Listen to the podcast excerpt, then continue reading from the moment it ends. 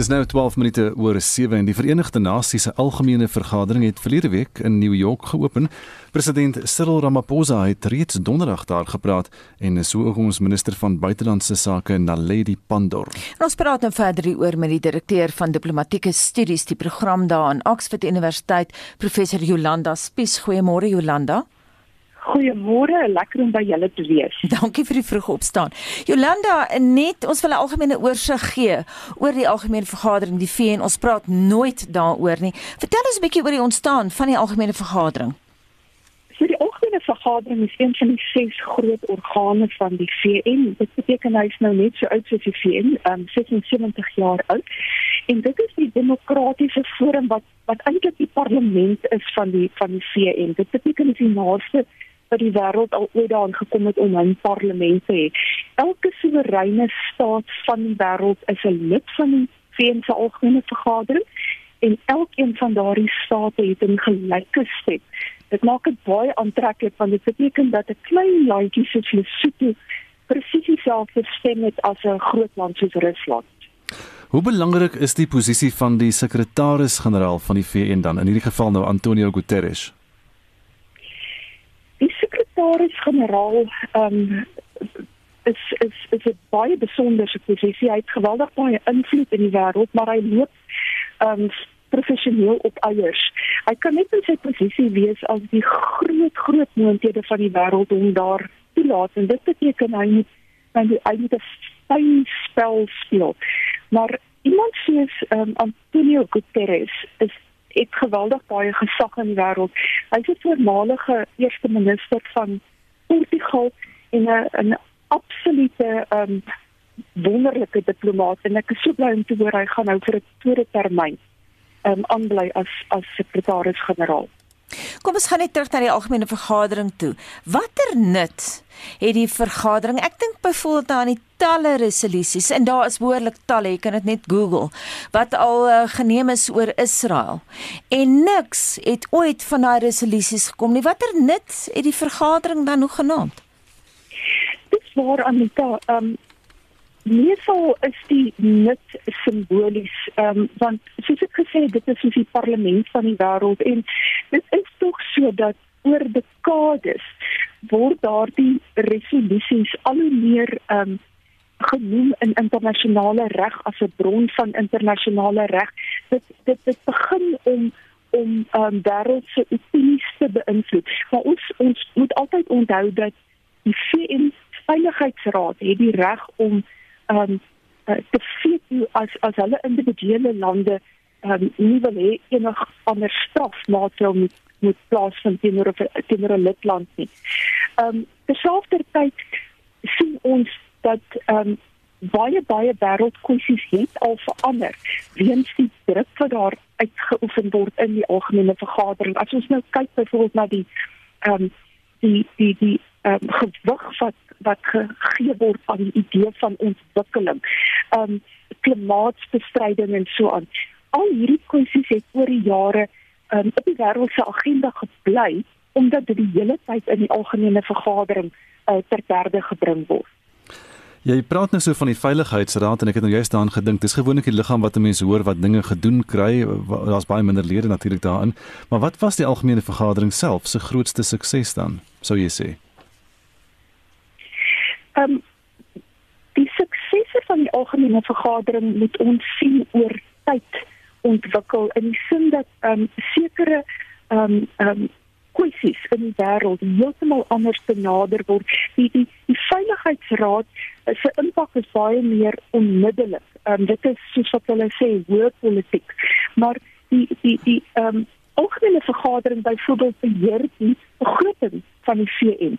Ehm um, die algemene vergadering self het enorm gegroei in sy in sy lidmaatskap van 51 lede in 1945 tot 193 lede vandag. En die simboliek daaraan verbonde om 'n lid te wees en om soos laasweek die die die, die kans te kry om die wêreld toe te spreek mag nie onderskat word nie. Want dit gee stemme aan lande en gebiede, mense, groepe wat wat dit nooit van tevore sou gekry het nie. Kom ons kyk 'n bietjie na die dramatiese insidente. Ek het dadelik gedink aan president Khrushchev wat in Oktober 1960 sy skoen mos so op die lessenaar geslaan het aan mekaar want hy was vies vir die Filippynse diplomaat Lorenzo Sumolong en uh, toe slaan hy sy stoel sy sy skoen op en af en almal was heeltemal verstom want natuurlik die algemene vergadering sit vol diplomate en dis net nie die manier wat mense optree nie dis nie die modus operandi wat daar verwag word nie Jy is reg Anika, uh, maar mens moet onthou hy was nie 'n diplomaat nie, hy was 'n ja. staatshoof en dit wat laasweek gebeur het, die die um, jaarlikse opening van die algemene vergadering, dis omtrent soos die Olimpiese spele van internasionale um, diplomatie behalwe dat die um, atlete is politici, dis wêreldleiers. Hulle kom by mekaar um, in New York om deel te neem aan 'n toneelspel en hulle hulle hulle grip net in hulle eie rolle in en en hulle probeer om punte te maak. Hulle is nie regtig daarom diplomatie te bedryf nie. En dan dan sien jy hoe hulle terugval in hulle eie stereotypes. Muammar Gaddafi byvoorbeeld in 2009 hierdie eerste keer in 40 jaar van diktator wees van Libië uiteindelik opgedaag by die VN om die algemene vergadering by te woon. En eerder as om sy 15 minute wat aan hom toegesê is te gebruik vir sy toespraak het hy 'n volle uur en 'n half voortgepraat. Hy het selfs die handves van die van die VN opgeskeur daar hm. op die podium. Hmm. Nou een van die tolke want uh, terselfdertyd word word die uh, eh, VN se se se bedrywighede in ses amptelike tale getolk. Een van die tolke het onder andere flou geraak tydens daardie marathon sessie en een na die ander het die mense uit die saal uitgestap. En hy nie eers die een wat die langste toespraak ooit daar gehou het nie. Dit dit daardie ehm um, prestasie moet ons gee vir Fidel Castro in 1960. Hy 4 ure lank aangehou praat. Toe jy nou sê hy het nie langs niemand oor was in die saal nie. jy het nou gesê dis nie hy het nie die langste ooit gepraat nie. Toe wou ek vra of Boetelese ooit by die VN was. Hoorie so, kom ons kyk na Suid-Afrika se posisie. Jy het 'n ruk gelede op Monitor vertel van ons relatiewe suksesse op die Veiligheidsraad. Hoe vaar ons in die algemene vergadering? Ons was natuurlik die meisond van die wêreld tydens die apartheidsjare. Hoe vaar ons by die algemeen nou? Ehm um, ek dink maklik om 'n langse ehm um, se prestasie te meet by die algemene vergadering nie want soos ek sê dis 'n baie groot ehm um, forum en die werklike werk wat gedoen word vind plaas in klein komitees van daardie algemene vergadering en dan hang dit af van jou kaliber van jou diplomate in elkeen van daai komitees of hulle impak het op hulle op hulle kollegas daar. Maar ons moet onthou dat Suid-Afrika vir dekades lank die algemene vergadering se agenda oorheers het nadat ons in die 70er jare basies gestroop is van ons stemreg in die algemene vergadering. Hulle kon ons nie um, uitsmyt nie want jy jy mag dit nie doen in die VN nie, maar ons is nie toegelaat om verder te stem nie. En daar is soveel resolusies in die algemene vergadering wat al oor Suid-Afrika geneem is en wat sy pad gevind het in in in wêreld uh, politiek en in internasionale reg in. So ek dink nou die feit dat ons weer in 1994 ons sitplek ten volle ingeneem het, is simbolies vir die wêreld 'n teken dat Suid-Afrika um, lankal nie meer die wêreld se muishond is nie. En dis die droom van baie ander um, lande soos Taiwan byvoorbeeld, uh, Kosovo, uh, Somaliland, Wes-Sahara, uh, Palestina. Al daardie lande is nog nie um volle lede van die algemene vergadering nie. En alhoewel hulle miskien op die agenda is, um is dit hulle begeerte om om maar net in daardie simboliese stoel te kan sit in die algemene vergadering. Hoe suksesvol sou jy sê was daardie die stryd teen Suid-Afrika se apartheidstelsel destyds in die 70er jare Pikbota wat dit moes gaan verdedig het en so aan? stryd was suksesvol geweest in die sin dat daar um, toenemend 'n konsensus opgebou het in die wêreld dat Suid-Afrika se stelsel van apartheid nie geduld kon word nie. Maar terselfdertyd moet ek sê dat um, Suid-Afrika se oorgang het plaasgevind eers nadat die Sowjetunie in mekaar gestort het en dit die einde was van van die Koue Oorlog. So uiteindelik is dit tog maar daardie groot politieke uh, skuwe in die wêreld wat regtig 'n verskil maak aan aan wêreldpolitiek. Baie dankie en so sê die direkteur van die diplomatieke studies program aan Oxford Universiteit, professor Jolanda Spies. Dis nou 22 minute oor 7. Die veelsidige akteur, skrywer, film en televisievervaardiger Frans Marx is gistermiddag oorlede. COVID-19 is in Julie by hom gediagnoseer. Lis Meyering bring al daarom.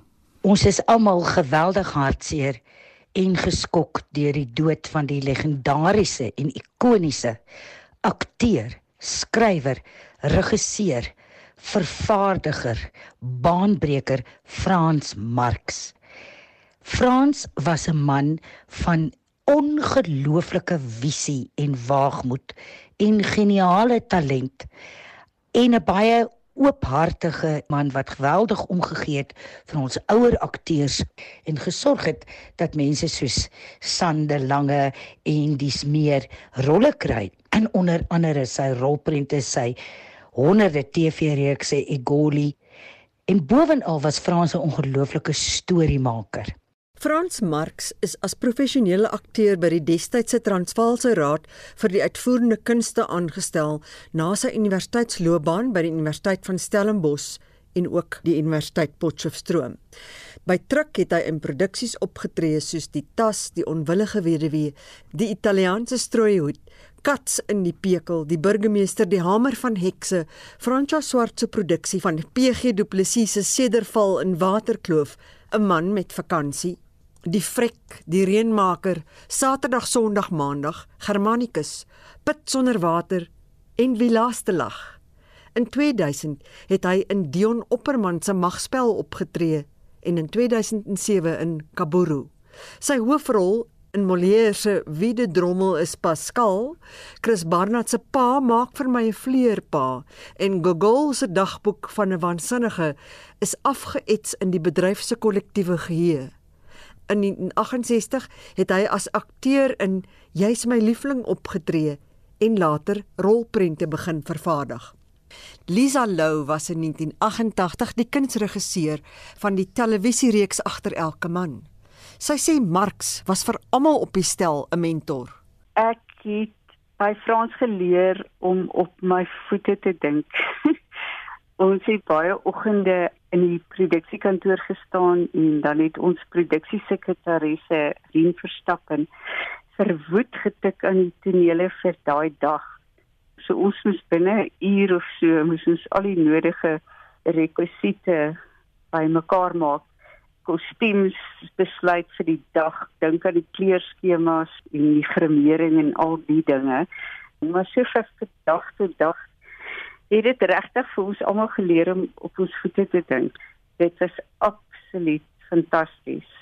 Oor die gehalte van elke onderdeel van 'n produksie het Marx nooit onderhandel nie. Maar die kwaliteit dopgehou met volkoe en elke keer as daar 'n nuwe karakter was of 'n nuwe stel of het hy kom 'n uh, oogie gooi. Sy was glad nie synig met komplimente nie as 'n stel vir mooi was of dit het mooi by die karakters gepas, was hy baie vinnig om so te sê. Maar as iets nie gewerk het nie, was hy net so vinnig, maar hy was nooit kwaad of so nie. Hy het net altyd gesê, "Nee, nee, nee, wat het jy nou hier gedink? Haal uit, haal uit of sit by of nee, jy kan nie vir die rok aantrek nie, sal ek glad nie seksie nie." Lisa Lou wat saam met Frans Marx gewerk het. As regisseur het hy die jakkalstreke van Scapino en die drie van der Waltz aangepak. Sy eerste film as regisseur was Fighter Pilots Wing Commander in 1974 wat in Afrikaans as Seuns van die Wolke aangebied is. Hy het uiteindelik 18 suksesvolle rolprente gemaak. Marx het in 1980 in die televisiebedryf begin werk. Hy het 13 televisiereekse geskep, 7 dramas en twee minireekse tussen 1980 en 2000 geskryf. Sy debuut was Die gewilde skooldae, daarna Familiedae en Kampus. Toe het hy sepies aangepak. Tussen 1985 en 88 het agter elke man die TV oorheers. gevolg deur Igoli plek van goud wat sedert 1992 uitgesaai is. Hy het ook die film Die Vlindervanger vervaardig. Mitsi van der Merwe SAK-nuus. Suid-Afrika het 'n ryk maar pynlike geskiedenis. Standbeelde uit die tydperk van Britse kolonialisme en die apartheidsera is dwars oor die land te sien. Terwyl die vraag gevra word oor hoe relevant die standbeelde nog is, sê kultuurhistoriese kenners dat die verlede nie geïgnoreer kan word net omdat dit aanstoot gee nie. Annelien Moses het meer. Die standbeeld van generaal Koos de la Rey staan in die middel van Lichtenburg en ontlok gemengde reaksie. The statue has got significant importance to me. My grandfather in the second British War, Vryheidsoorlog, served under uh, General de la Rey. I don't relate. Perhaps if it was Mandela statue or other black leader, perhaps I would relate that. Verander het die standbeeld 'n uitsonderlike betekenis. Die rede hoekom ek hier verbygekom het en 'n foto geneem het van myself saam met die generaal. Die generaal was van die begin af gekamp teen die oorlog, die Tweede Vryheidsoorlog. Toe die oorlog op die ou einde begin het, was hy een van die beste generaals gewees, beste veldstrategie ensovoorts. En na die oorlog het hy probeer vrede bewerkstellig tussen die verskillende partye wat geveg het. Nou hy's op 'n baie tragiese manier doodgeskiet. Die kurator van die Lichtenburg Museum, Mohape Sekete, sê die geskiedenis moet vir navorsingsdoeleindes gedokumenteer word. The history of the Anglo-Boer is very very important because remember during the Anglo-Boer War black people also play a very, very important during the Anglo-Boer War. But their history was not written. It was neglected to a certain extent. So we find a lot of research coming into our museum to researching more about who Kozilare was. Documentation of the statues is very, very important because history is history. 'n Standbeeld van 'n luiperd van die Universiteit van Bophuthatswana is onlangs by die ingang van die groot saal aan die Noordwes Universiteit verwyder. Studente en oudstudente is warm onder die kraag en sê die stap wis die geskiedenis van die instelling uit. Dit was 'n tradisie vir diegene wat graad gevang het om foto's by die standbeeld van die luiperd te neem. I am not happy because I believe that it's hidden.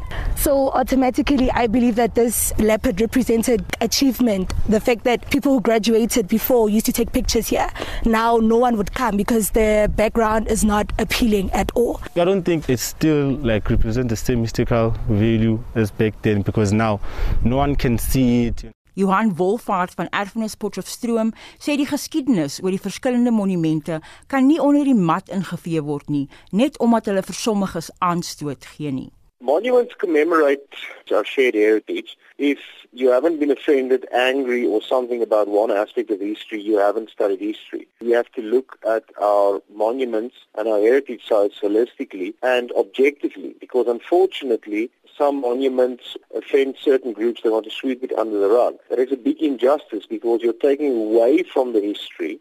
Die verslag deur Tebogo Pakedi in Lichtenburg en ek is Annelien Moses vir SAK nuus. Vincent Ons luisteraars vra vanoggend hoeveel mense weet wie hulle wijkraadslede is en Bets Ferreira sê ons raadslid is DA en aktief. Ons weet wie sy is. Ek het haar al genader oor 'n probleem en goeie resultate gesien, so ons stem met 'n goeie gemoed DA. Ja, hulle is nie perfek nie sê sy, maar so is nie een party nie. Dan sê Dan Oberholzer vir ons baie blankes gaan nie stem nie. Hulle sê net dat dit nie sal help om te stem nie, die ANC sal tog wen. Dit is 'n verkeerde opvatting elke stem tel sê Dan. Dan sê Gerard Ras, ons wijkraadslid is 'n loyale DA ondersteuner wat alles na haar vermoë doen om die partybase tevrede te stel sodat sy haar pos en perks kan behou. Daar het die afgelope 5 jaar geen infrastruktuurverbetering in ons woongebied plaasgevind nie, sê Gerard.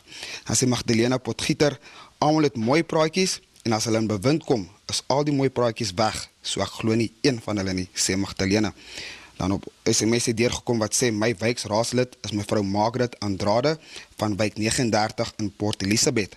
Sy is 'n absolute diamant, sê sy, en ek wens sy kon staatspresident word. Gaan altyd die ekstra ekstra ekstra myl vir ons. DA moet haar 'n vet beloning gee vir al haar harde werk. Niks is te veel moeite nie. Dit is nou maar wors. This woman gets the job done. Always we salute you Miss Andrade sê die SMS. Hy sê Jan Johnny Swarts, my wijk sit met 'n DA raadslid opgeskep. Nogal nie 'n skerp potlood nie, maar die knaap het darm nie slag gevaar in sy termyn nie. Ook nie goed nie. Eintlik het hy 'n raaslid geword by mistake, sê Jan. Ons wil by julle weet hoeveel mense weet wie hulle wijksraadslede is. So stuur vir ons asseblief jou mening na 45889.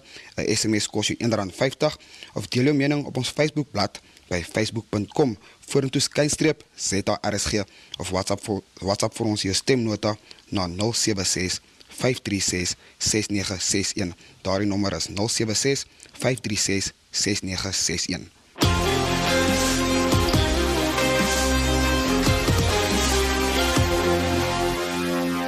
24 minute voor 8 jy's by Monitor op RSG en een van die langnaweek se groot trekpleisters was natuurlik sport Pieter van der Berg het al die uitslae vir ons. Goeiemôre Pieter. Môre sê Gustaf. So Saterdag se 100ste rugby toets tussen Suid-Afrika en Nieu-Seeland was omtrent 'n wipplank ryery en daar was ook wêreld sewe rugby gewees die naweek. Ja, Gustav, jy moet omtrent sien wees gehad het van stal Saterdag. Dit was die onderste toestel in Suid-Afrika en in Nieu-Seeland gewees. Dit is in Queensland gespeel. Nou dis natuurlik die rugby kampioenskap se reeks wat in waar die spanne in aksie was. Nou in die eerste helfte het beide spanne goed gevaar. Elke span het 'n drie gedruk en twee strafdoele behaal en daar was ook 'n ekstra doelskop aan die kant van Nieu-Seeland. Die rusuittelling was 13-11 in die guns van Nieu-Seeland gewees. Net voor rustyd het Sibukususu Nkosi 'n geel kaart gekry en dit was so in die 35ste minuut gewees. Nou in die tweede helfte het uh, die twee spanne elkeen twee strafdoele bygevoeg by die telling en die eindtelling uiteindelik 19-17 in die guns van die All Blacks. En uh, dit was net daardie twee punte verskil dan. Georgie Barrett het uh, 5 uit 5 skoppe mee geslaag en uh, komende Saterdag speel die twee spanne weet jy mekaar en dit is natuurlik in uh, die laaste wedstryd van van jaar se rugby kampioenskapsreeks. En uh, die Nieu-Seelanders, hulle is reeds as die kampioenskaps uh, kampioene gekroon. Maar ons moet ook onthou dat daar was daar die uh, rugby raai van RSG geweest. Die 10000 rand kontant se wenner sal vanmiddag aangekondig word in Spitstyd. En dan nog in 'n kampioenskapskragmeting was dit Australië wat vir Argentinië met 27-8 getroof het. Op die punte leer is Nieu-Seeland nou op 24 punte, Australië is tweede met 13, Suid-Afrika derde nou met 11 en Argentinië in die vierde plek. En dan sou jy genoem het daar was natuurlik uh, sewees rugby gewees, die Blitsbokke het verlede naweek in Vancouver met die wêreld sewees uh, toernooi daar geseëvier. Nou die tweede been van die reeks is in Edmonton ook in Kanada gespeel die naweek en die Blitsbokke het hulle eerste drie groepwedstryde baie maklik gewen, reuse oorwinnings behaal oor Hong Kong, Mexiko en Kanada. Nou in die halffinale het ons met Kenia afgereken 33-7 en Gustav in die eindstryd is dit weer die Blitsbokke wat op die wenpad was, hulle het Groot-Brittanje afgestop met 24-12. daarmee wen uh, Suid-Afrika nou ook die wêreld sewees reeks vir 2021. Dan moet jy ook net noem dat die Verenigde Rugby Kampioenskap het Vrydag afgeskop. Dan daar daar's uh, vier Suid-Afrikaanse spanne of al vier Suid-Afrikaanse spanne was in aksie geweest. En die Lions is die enigste span wat oorwinning kon behaal. Hulle het vir Zebra met 38-26 getroof. Saterdag het Munster die Sharks met 42-17 uitoorlê. Dit was uh, Leinster wat gesê het oor die Bulls met 31-3 en dan Benetton, hulle het gesê vir oor die Stormers die ding daar 22-18. Nou Max Verstappen moes gister tydens die Russiese Formule 1 Grand Prix laaste wegspring terwyl Lewis Hamilton sy 100ste oorwinning daar gejaag het. Ja, in Rusland daar op die Sushi baan was 'n baie interessante wedren geweest want uh, Max Verstappen soos jy sê, hy het die voorloper op die punte leer geweest. Hy moes daar nadat hulle vierde engine gebruik het vir die seisoen, hulle word net terug te 3 toegelaat per uh, seisoen, moes hy in die laaste plek wegspring en Lando Norris het vir die eerste keer voor weggespring as McLaren. Ferrari se Carlos Sainz was tweede en Lewis Hamilton daar in die derde plek. Nou Lando Norris het vir die grootste gedeelte van die wedren toe nou voorgejaag maar hy het besluit om op droë bande bly te bly toe die reën uitgesak het en hy het sy McLaren na tol van die baan af en dit het aan Hamilton die voordeel gegee en hy dan ook sy 100ste oorwinning behaal in Formule 1 wedrenne. Max Verstappen het van laaste tot in die tweede plek uh, gevorder, hy tweede geëindig en dit beteken dat Lewis Hamilton dan het daar 7-4 Max Verstappen tweede, Carlos Sainz in 'n Ferrari derde en Daniel Ricciardo in die ander McLaren in die vierde plek. Hamilton is nou 2 punte voor Verstappen op die kampioenskapswedloop 'n punt leer. Die 43ste Ryder beker golfkompetisie tussen die FSA en Europa het gisterand ten einde geloop Saterdag uh, in naweek aktueel. Het jy genoem dat die FSA met 6-2 voor was na dag 1? Ja, weet jy dit het uh, net beter en beter gegaan met die FSA en slegter en slegter met Europa. Nou na dag 2 was hulle reeds 6 punte voor, dis nou die FSA. Hulle het toe met 11 wedstryde in Europa se 5 voorgeloop en uh, gister in die 12de individuele kragmetings het die FSA span met nog 'n uh, uh, wel spog met 9 van die wêreld se topspelers het hulle verder daardie uh, ek wil amper sê voortou uh, vergroot en die gaping groter gemaak en uiteindelik met 19-9 geseëvier. Nou in die geskiedenis is dit die hoogste telling was 18.5 gewees ook deur die Amerikaanse span. Dit het twee keer van tevore gebeur en daardie eindtelling van 19-9 dan aan Amerika oor Europa is dan die grootste telling in die geskiedenis. Daar was nie net uh, IPL cricket aksie die naweek nie, maar ook T20 wedstryde hier in Suid-Afrika. Ja, kom ons maak 'n draai eers in Abu Dhabi gister die eerste wedstryd daar by die IPL was die Chennai Super Kings wat 'n twee paltjie oorwinning behaal het daar en uh, ek sien Faf du Plessis hy het daar 43 uh, bygedra oor die Chennai Super Kings.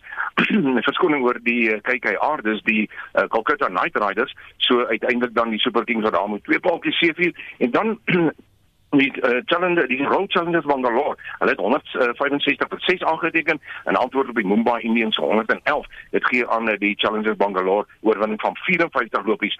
Vandag speel die Sunrisers Hyderabad teen die Rajasthan Royals daardie wedstryd begin om 4uur En dan gister hier in Suid-Afrika twee wedstryde en in Kai's ACT 20 reeks. Dis beide in Kimberley gespeel. Die Lions het 'n vierpaaltjie oorwinning oor die Suidwestelike distrikte behaal en dan in die WP. Hulle het gesê hier met 6 paaltjies oor die Northern Cape Heat. Die tennisoe was eh, die week op Frankryk en eh, die Tsjechiese Republiek. Daar was mans en vroue toernooie gespeel.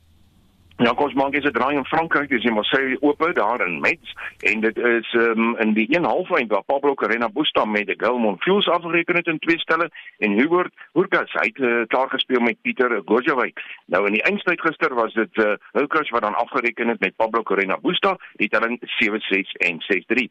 En dan in die vroue WTA reeks, dis daar in Ostrava in die Tsjechiese Republiek waar die eindstryd gister gewen is deur Anet Kontaveit. Sy het geseëvier oor Maria Sakkari, die telling daar in die eindstryd 6-2 en 7-5. En eh, van die groot kanonne in klub sokker het mekaar die stryd ook aangesien natuurlik. Geef ons 'n opsomming daarvan die uitslae. Ja, ek dink ons moet by Saterdag se uitslae saak uh, stil staan want dis waar die groot spanne te mekaar gespeel het. Nou ons maak eers 'n draai by DStv se Premier Liga. Dis Stellenbosch wat vir Chippa United met 2-1 getroof het. SuperSport United het klop van Maritzburg United met 2-1 en Mamelodi Sundowns reken af met Orlando Pirates se telling 2 doele teenoor 0. En dan in die Engelse Premier Liga, die top 5 spanne se uitslae so gelyk. Liverpool het gelyk op gespeel teen Brentford met 3 doele. Elk dis 'n wegwedstryd vir Liverpool gewees. Dan het Everton van Norwich City met 2-0 getroof. Chelsea, hulle verloor op hulle tuisveld. Man City is daar baas met 1-0 en dan het Man United pak gekry op hulle tuisveld. Aston Villa het hulle met 1-0 geklop. En dan uh, Gustav vanmiddag in Spitstyd sal Etienne Ludwig terug wees met meer sportnuus. Pieter baie dankie. RSG se sportkoördineerder Pieter van der Berg. En ons kyk nou na wêreldnuus gebeure. Ons begin in Duitsland waar die Duitsers gaan stem met vir 'n nuwe regering in die federale parlement vir die volgende 4 jaar. Estie ons het vroeër daaroor gepraat met twee ontleeders, maar skets vir ons die agtergrond daar.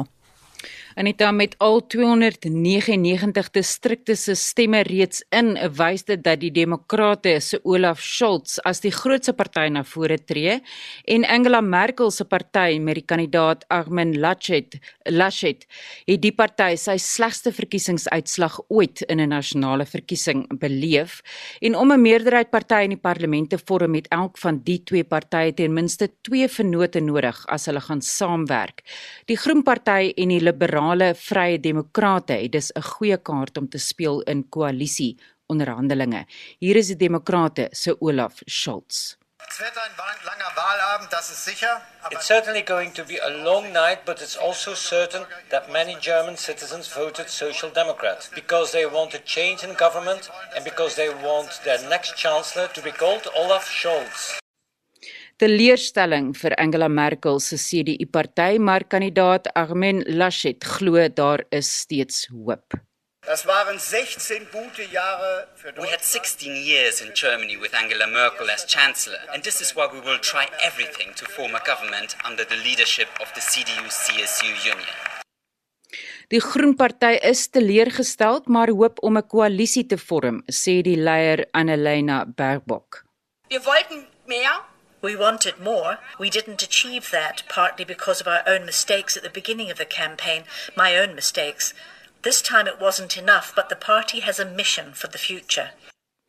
Die politieke ontleder Olaf Bonke sê die twee partyleiers se sienings dat hulle albei wil lei is nie realisties nie.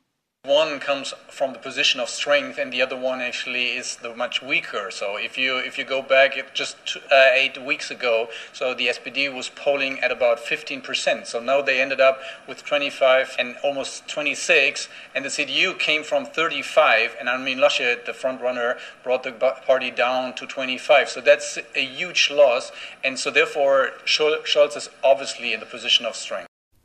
En die politieke ontleder daar Olaf Bunke. En nou verskuif ons die fokus na Brittanje waar meer as die helfte van die land se volstasies sonder brandstof is weens paniekaankope.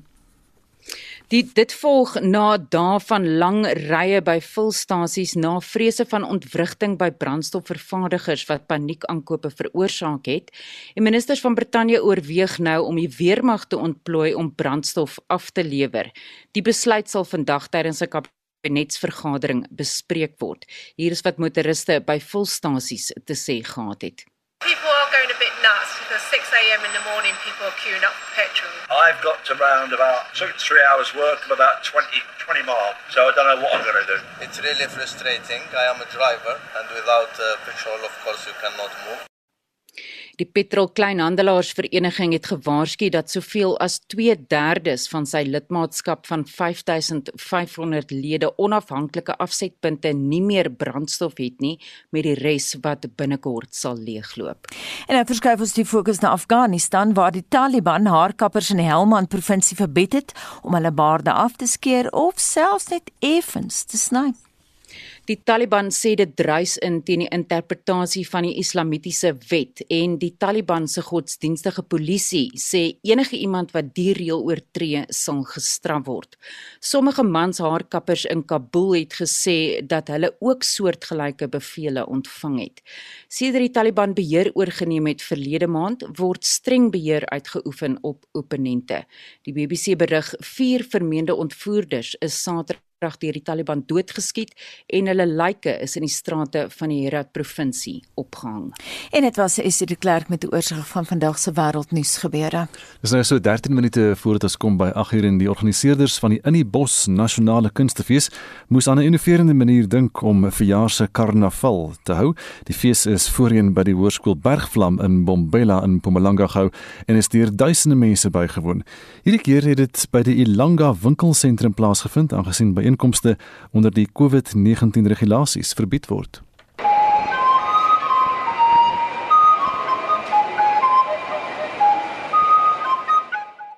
‘n Fluitspeler loop in die winkelsentrum rond en vermaak die feesgangers. Die kunstenaars is bly dat die organiseerders 'n plan gemaak het om die fees aan die lewe te hou. Liz Meyering is 'n aktrise en Wynand van Vollestee 'n humoris. Dit het ons baie hard getref in die kunste maar ek glo nog steeds die kunste staan altyd op. Dit het ook vir ons 'n paar nuwe goedjies geleer, soos die aanlyn produksies en so aan. Maar as 'n geheel is ons baie baie hard getref. Ek dink ons is op 'n plek waar ons teater anderste moet aanbied. Ek glo in die kunste, dit is my lewe, dis my werk. En wat mense van my nuwe vertoning kan verwag, my eenman vertoning geen salf te smeer, is komedie. Ek dink op hierdie stadium wil mense lag. Hulle wil nie deur 'n hartseer storie sit nie. Ons lewe dit op hierdie oomblik. So my nuwe vertoning is absoluut 'n komedie en dit is absurd. Hallo, ek is Liz Meyering en ek is hier by Innibos Mall of Innibos Mall hier in Nelspruit. Erfenisdag, dink mooi daaraan. Wat is Erfenisdag? Erfenisdag. Nee, ons moenie kwaad wees oor die musiek nie, want dit is deel van die kreatiwiteit. Dit is ook 'n erfenis, 'n akkordeon. Wat sy net gou verbygaan. Die kreatiewes is die mense wat die stories van ons erfenis vertel. Wie ons is, wat ons hoop, wat ons gaan wees. Wie ontwerp die klere? Wie maak die kuns? Wie vertel die stories? Wie doen die musiek? Wie skryf die speeches? Wie doen die logos? Allei goed. Almal kreatiewe mense. So Erfenisdag en kreatiwiteit in die kreatiewe industrie van 8.5 miljoen mense in Suid-Afrika loop so saam. Die fees sluit steeds optredes op verskillende verhoë in, sowel as stalletjies met handwerk. Feesgangers was ingenome. It brings back memories. It's been a while since it happened, so the enjoyable moments with families that passed away, it brings enjoyable moments back where they can relive what happened. During the day, you'll see everything will be happening. It will be nice. The culture will be performing here. Die woordvoerder van Innibos, Sandra Jacobs, hoop dat die fees 'n finansiële inspuiting vir die provinsie was wat negatief deur die COVID-19 pandemie geraak is. As gevolg van die COVID-19 pandemie was dit oor die afgelope 2 jaar nie moontlik om die fees in sy normale formaat aan te bied nie. En met dit het kunstenaars geleenthede verloor om op te tree. Ons omgewing het jaarliks 'n ekonomiese inspuiting van meer as 80 miljoen per jaar verloor. En daarom was dit vir ons wonderlik toe Ilanga Mall na die Standard Bank in die Bosfees toe gekom het met die gedagte om 'n fees hier op die markplein aan te bied. Ons het kuns, musiek, toneel, kinderaktiwiteite, iets vir die jeug. Daar's regtig iets vir almal hier. Hierdeur kon ons vir kunstenaars werk gee, die ekonomie stimuleer en net weer 'n bietjie vreugde vir mense bring. In die bos het Saterdag ten einde geloop. Hierdie bydra van Ntobisi Nkalifi in Bombela en ek is Hendrik Martin vir SAK nuus. Die boodskap op Wêreldhondsdolheidsdag wat môre herdenk word is geen meer vrees nie slegs die feite. En ons praat nou met die president van die Suid-Afrikaanse Veeartsvereniging, Dr Leon de Bruin. Goeiemôre Leon. Goeiemôre Anita en Gustaf en ja, aan jou luisteraars, goeiemôre ook. Leon, sê net eers vir ons hoe algemeen is hondsdolheid? Wel, ons sê dit in uitbrake. So ons sien redelik uh, baie gevalle veral in KwaZulu-Natal provinsie, maar op die oomblik het ons ook probleme in die Oos-Kaap in die Nelson Mandela Bay uh, metropool waar daar omtrent nou moet die meer as 50 gevalle in die laaste paar maande is en daar's 'n paar gevalle in ons Londen en daar was ook daai 'n ratel by uh, Stakfontein, Cradle of Humankind. So ja, 'n probleem op die oomblik. Wat presies is hondsdolheid? Wat veroorsaak dit? So hondsdolheid is 'n rabdovirus. Dit is 'n erns, dit is 'n virus, dit is 'n dodelike siekte. Die virus het van vlermuise gekom, maar nou sien ons dit, jy weet dit dit rondloop honde in KwaZulu-Natal en die Oos-Kaap. Byt en dan raak hulle uh kry hulle hondsdolheid en dit tas die senuweestelsel aan. Dit kan 'n baie lang inkubasieperiode van tot 6 maande hê. Maar die probleem is sodra daai virus in die senuweestelsel gaan, is daar geen behandeling en dit is dodelik. Maar een van die ehm um, feite en ehm um, en daai wat die fees wat op so weg was.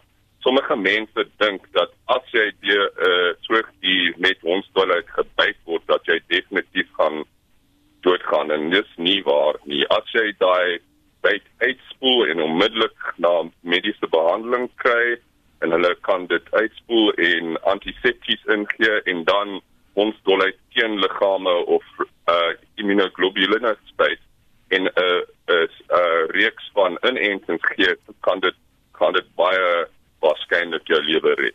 Kom ons fokus daarop. Dis uiters belangrik. Jy sê as jy dit onmiddellik kry, wat beteken onmiddellik binne 24 ja, uur?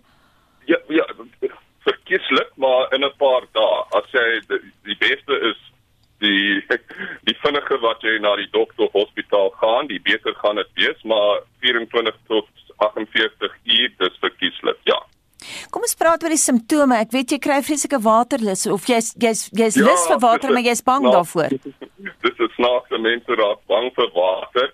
Ehm um, daar kan eh uh, daar's twee gevalle. Daar's die dom hondsdolheid waar ehm um, nederig depressie raak en dan daar die mal gevalle wat heeltemal uh aggressief raak. So of um daar's twee tipe, maar ja, dit eindig is nie 'n mooi siekte nie. Daar's tydtrekkings, daar's vreeslike senuwee uh, simptome. Um en ons sien en dis die ding as jy na diere kyk, as jy 'n wilde dier het, so soos 'n jakkals of 'n uh meisond of meerkat of 'n bakoor jakkals of daai ratel kry wat skielik sy feeste mense verloor, moet jy weet dat dat daar probleme is en jy moet daai hond vermy en vir die staatsveearts of 'n veearts sê want ons hondsdolheid getoets word. En as jy ehm, 'n um, hond of kat sien wat snaaks uh simptome wys dat dit skielik aggressief raak wanneer dit nie aggressief was nie, dan moet jy ook versigtig wees. Kan 'n hond daarteen laat inent? Ja, dit dis die ding. Ons wil teen 2030 geen hond uh gevalle wat mense doodmaak ons dolheid sien want dit is heeltemal voorkombaar deur inentings. Dis die wet in ons land dat elke hond en kat teen die ouderdom van 3 maande of 12 weke die eerste keer ingeënt word en dan verkieslik omdat dit uh, 'n aktiveerde dooie en stof is.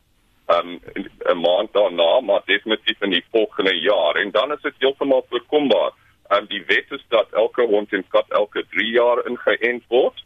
Um maar met hierdie uitbrake um wil ons eintlik hê dat die mense dit jaarliks doen.